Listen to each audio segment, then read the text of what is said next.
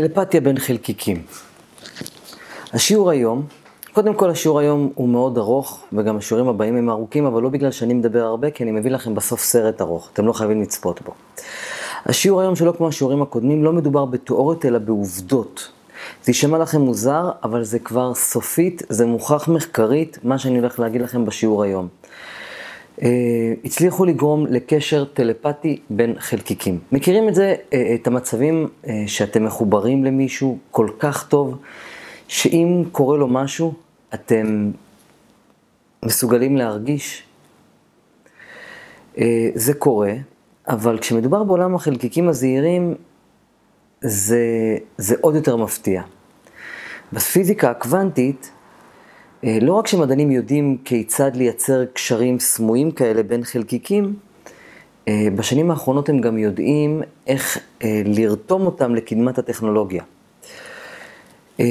ידוע ומקובל שבמצבים שונים, שני חלקיקים כמו אלקטרונים, פוטונים או אפילו אטומים שלמים, יכולים להיות תלויים כל כך זה בזה, שאם משהו קורה לאחד מהם, אפילו אם השני מרוחק ממנו שנות אור, הוא עדיין יושפע מכך באופן מיידי. אה, הכוונה כאן היא אה, לתופעה שמכונה שזירה קוונטית. כלומר, אה, במצבים מסוימים, למשל, כששני חלקיקים נוצרים באותו זמן ובאותו מקום, הם כל כך תלויים זה בזה, שלא ניתן לתאר את המצבים שלהם בצורה אינדיבידואלית. הדרך היחידה לתאר את המצב שלהם היא באמצעות פונקציה אחת.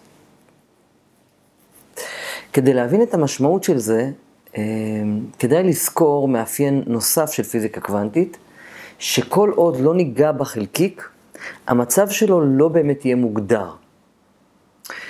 נוכל רק לתאר מהי ההסתברות שהוא יהיה במצב מסוים, אבל לא יותר מזה. זאת אומרת, זה כל הרעיון של פיזיקה קוונטית, שאתה לא באמת יודע איפה נמצא החלקיק עד שאתה לא בוחר לראות את זה.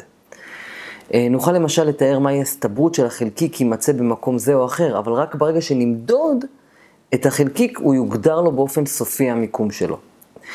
אם, נחדור, אם נחזור לחלקיקים השזורים שלנו, שפונקציה אחת מתארת את מצבם המשולב, אז ברגע שנערוך מדידה על אחד מהם, בעצם אנחנו קובעים את המצב שלהם. זאת אומרת, בפיזיקה הקוונטית, החלקיק, המיקום שלו נקבע על פי מה שאני בוחר לראות. השפעה כזו במרחק שכזה, באפס זמן, אולי נשמעת מנוגד, מנוגדת למחשבה שלנו. זה בסדר, גם אלברט איינשטיין התקשה לקבל את התופעה. במאמר שפרסם ב-1935 עם נתן רוזן ועם בוריס פודולסקי, אה, הוא עלה ניסוי מחשבתי שנועד להראות שלא ייתכן מצב שכזה. השפעה כזו שאיינשטיין תיאר כפעולת רפאים ממרחק, היא לא יכולה לעבור באורח מיידי. אבל ב-1981 אלן אספה, פיזיקאי צרפתי, הצליח להוכיח שבנושא הזה דווקא איינשטיין וחבריו טעו. כלומר, חלקיקים קוונטיים קטנטנים יכולים להיות כל כך תלויים זה בזה, ש... כך שפעולה של אחד מהם משפיעה באופן מיידית על. על השני, גם אם הם רחוקים אחד מהשני. אני מדגדג אחד, השני מקבל את הדגדוג. זה נשמע מוזר, אבל בדומה לתופעות חריגות נוספות, התקבלה ההבנה שכיוון שמדובר בעולם החלקיקים הקוונטיים, הדברים שונים מאוד ממה שאנחנו מכירים מחיי היומיום. אה, כבר אמרתי לכם שבחוכמת הקבלה מוסבר שזה הגיוני ממה שפחות מגודל של פשפש. בעולם הקוונטי מתרחשות מספר תופעות שלא תואמות לאינטואיציות המקובלות ולמדע המקובל. בשנים האחרונות אה, מצליחים במעבדות להדגים את פעולת הרפאים ממרחק, במרחקים שהולכים וגדלים. בשנות ה-70 של המאה הקודמת, אה, הניסויים הראשונים הדגימו את התופעה במרחק של מיקרונים. מיקרונים זה מיליונית המטר. בשנת 2007 זה כבר הודגם על מרחק של, אה, אה, של, של מטר. וב-2017 צוות אה, סיני הדגים את התופעה על פוטונים שהיו במרחב ש... במרחק של 1,200 קילומטר אלו מאלו. אה, זה פורסם ביוני 2017 במגזין שנקרא Science. מנקודת מבט טכנולוגי, אה, לשזירה הקוונטית יש תפקיד בבניית מחשבים קוונטיים. מחשב קוונטי זה מחשב שבעצם נותן את כל ההסתברויות בו זמנית, לא כמו מחשב רגיל שנותן לך את התוצאה, אומר, שנותן תוצאה אחת. במחשב קוונטי משולבים סדר גודל, זה נקרא קיוביטים. וקיוביט זה משהו שיש לו את כל הפונקציות בו זמנית. קצת מורכב, אני יודע, אבל מה שאתם מנסה להסביר לכם זה שבעצם אה, אה, בעולם הקוונטי, האטום יכול להופיע בכמה מקומות בו זמנית עד שהרואה בוחר לראות. העניין המפתיע הוא שבמחקר שפורסם אה, לאחרונה דווקא ב-25 באפריל ב-Nature, הדגימו חוקרים את השזירה הקוונטית גם במערכת שכל... שהיא לא קוונטית. הם הדגימו אותה על גופים המורכבים מטריליון אטומים, זה כבר לא קוונטי. טריליון אטומים זה כבר משהו גדול. בניסוי שנערך בפינלנד, צמד משטחי אלומיניום, שכל אחד בגודל של 20 מיליונית המטר, הדהד בקצב מתואם ומצב השזירה ביניהם החזיק מעמד אפילו במשך כחצי שעה. אמ, כמו שאמרתי לכם קודם, מדגדגים פה ובצד השני הוא מרגיש את הדגדוג, כן? אומנם אה, 20 מיליונית המטר הוא עדיין גודל קטן, אבל זה כבר מתקרב לגודל אה, שהוא גדול לעולם המיקרוסקופי המוכר לנו. אז אני, כפי שאתם יודעים, אני מדיום. יש לי יכולת לחזות את העבר, הווה ועתיד. ולעיתים אני גם קורא מחשבות.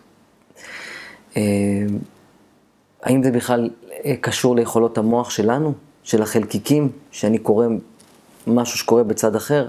לי יש כבר תשובה לזה מחוכמת הקבלה, שאומרת שכולנו קשורים זה בזה, וכל בני האדם זה למעשה אדם אחד, אה, ומסוגלים אה, לקרוא מחשבות ולעשות טלקינזיס וכולי. וכשאדם רוצה להשפיע על כמות גדולה יותר של אנשים, אז הוא כמות, קשור לכמות גדולה יותר של אנשים. ולכן הוא יכול לקרוא מחשבות של יותר ויותר אנשים, לכן אני כל הזמן אומר שתקשור זה בעצם ואהבת לך כמוך, כי אז אני אוהב את האדם האחר, את האלקטרונים שבו, אה, ועל ידי זה אני יכול להתחבר אליהם. בשורה התחתונה, אחיי ואחותיי היקרים והיקרות, המדע מתחיל להבין שהוא לא מבין, ויש קשר בין חלקיקים שנמצאים בקצוות שונים של היקום, או כמו שאמרתי לכם, בסין 1200 אה, קילומטר, אה, וזה מדהים. אני מזין פה מידע, וב-1200 קילומטר זה, אה, רואים את זה. זה מוכיח במידה מסוימת את היכולת שלנו לקרוא מחשבות, לראות את העתיד, אה, במידה מסוימת, וגם חשוב לי להזכיר לכם את מה שסיפרתי לכם, שבמדרש אה, כתוב, אה, במדרש הקבלי, כתוב ש... שחרטומי מצרים לא הצליחו לעשות כישוף אה, למכת קינים, לא הבינו איך, איך עשו מכת קינים, כי משה רבנו השתלט על הקינים, כי הקינים הן קטנות כל כך, והכישוף לא יכול לשלוט על קינים. אה, רק קדושה יכולה לשלוט על קינים. זה בעצם אה, אה, במצבים קוונטיים שהם קטנים, קטנים, קטנים, הם לא, אין, אין, אין, אין, אין עליהם דין של טומאה. ולכן העולם הקוונטי, התופעות הנסתרות האלה, מתאימות רק למישהו פחות מגודל של קינה. ולכן התופעות הקוונטיות, שחומר נעלם ומופיע, זה נמצא רק בגודל קטן, קטן, קטן, כמו שכתוב במדרש. אה, ואם אדם הוא קדוש וטהור והוא מתקיים בתכונה שנקראת ואהבת לך כמוך, אז האדם הזה מסוגל לקיים מצבים קוונטיים, כי הטומאה, בעצם הטומאה היא תופסת רק מגודל של קינה, כמו שאומר המדרש.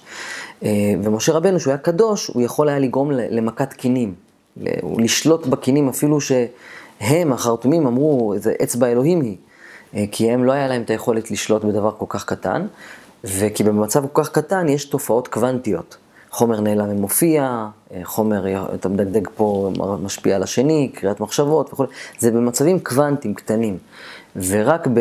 ו... ואין טומאה תופסת על מצב קוונטי. ולכן, אם אדם הוא קדוש וטהור, אז באמת יש לו יכולת לראות עבר, הווה ועתיד, הוא מסוגל אה, לקרוא מחשבות, ואני מלמד איך עושים את הדברים האלה. אה, אז אה, אם אתם רוצים כבר על הדרך, תיכנסו לקורס, אה, יש לי קורס שנקרא מבוא לקורס תקשור. קורס תקשור עצמו אני מלמד פרונטלית, אז הוא כרוך בתשלום, אבל את הידע עצמו אני מעניק בחינם, יש לי קורס, מבוא לקורס תקשור, כל אחד יכול לתקשר, לא באמת צריך אותי, אני רק, יש לי חדר כושר לאימוני יכולות התקשור.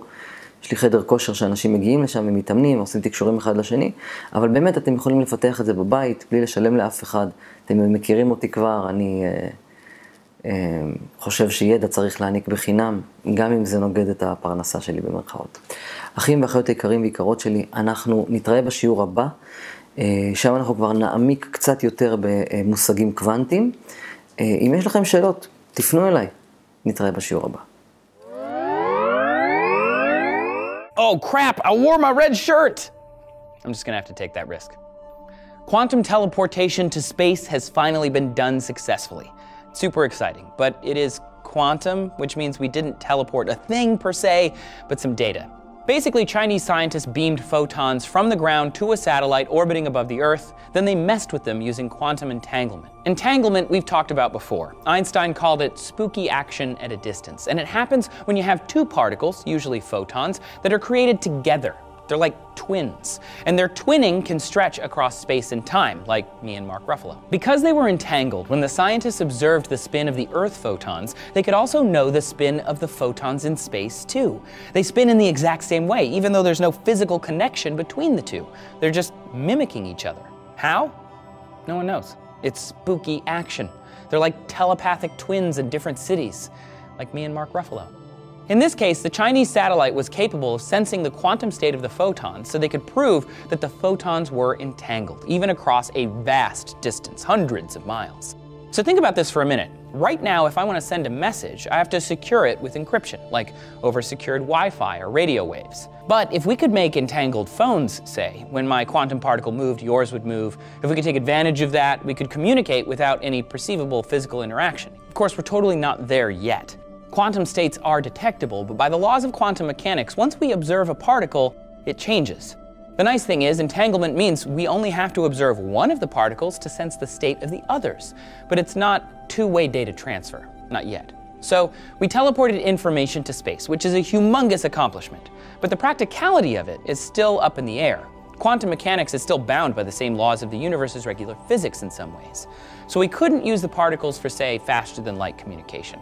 But we could use them sort of like decoder rings. For example, if a spy has one of a twin set of particles and their contact has the other, alongside each could be a coded message. If they meet, observe their particles and the spins match, they'd know no one had tampered with their messages. It's the ultimate security. Companies are already working on quantum entanglement as a security protocol for the future internet. Quantum entanglement could lead to moving data without wires or wireless frequencies, and because anyone who somehow observed the entangled photons, i.e. spied on them, would alter them, security could be incredible. The problem is, quantum mechanics is not fully understood. This is very much like trying to create a whole new type of computer without fully understanding computer chips, or like building an airplane without understanding air molecules.